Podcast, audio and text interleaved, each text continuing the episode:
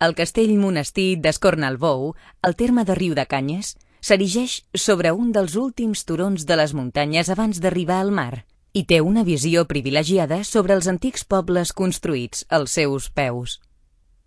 Des d'aquest centre neuràlgic es controlava a l'edat mitjana l'extens territori de la baronia, que comprenia els pobles de l'Argentera, Coll de Jou, Dues Aigües, Riu de Canyes i Vilanova d'Escornalbou al Baix Camp i la torre de Fontaubella i Pradell de la Teixeta a la comarca del Priorat.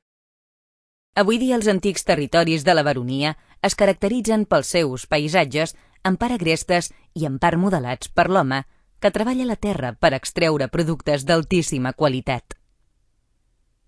La baronia d'Escornalbou és un territori històric on descobrir el seu passat i la seva naturalesa genuïna, però també un territori agrícola de llarga tradició, i en el qual trobareu deliciosos productes autòctons.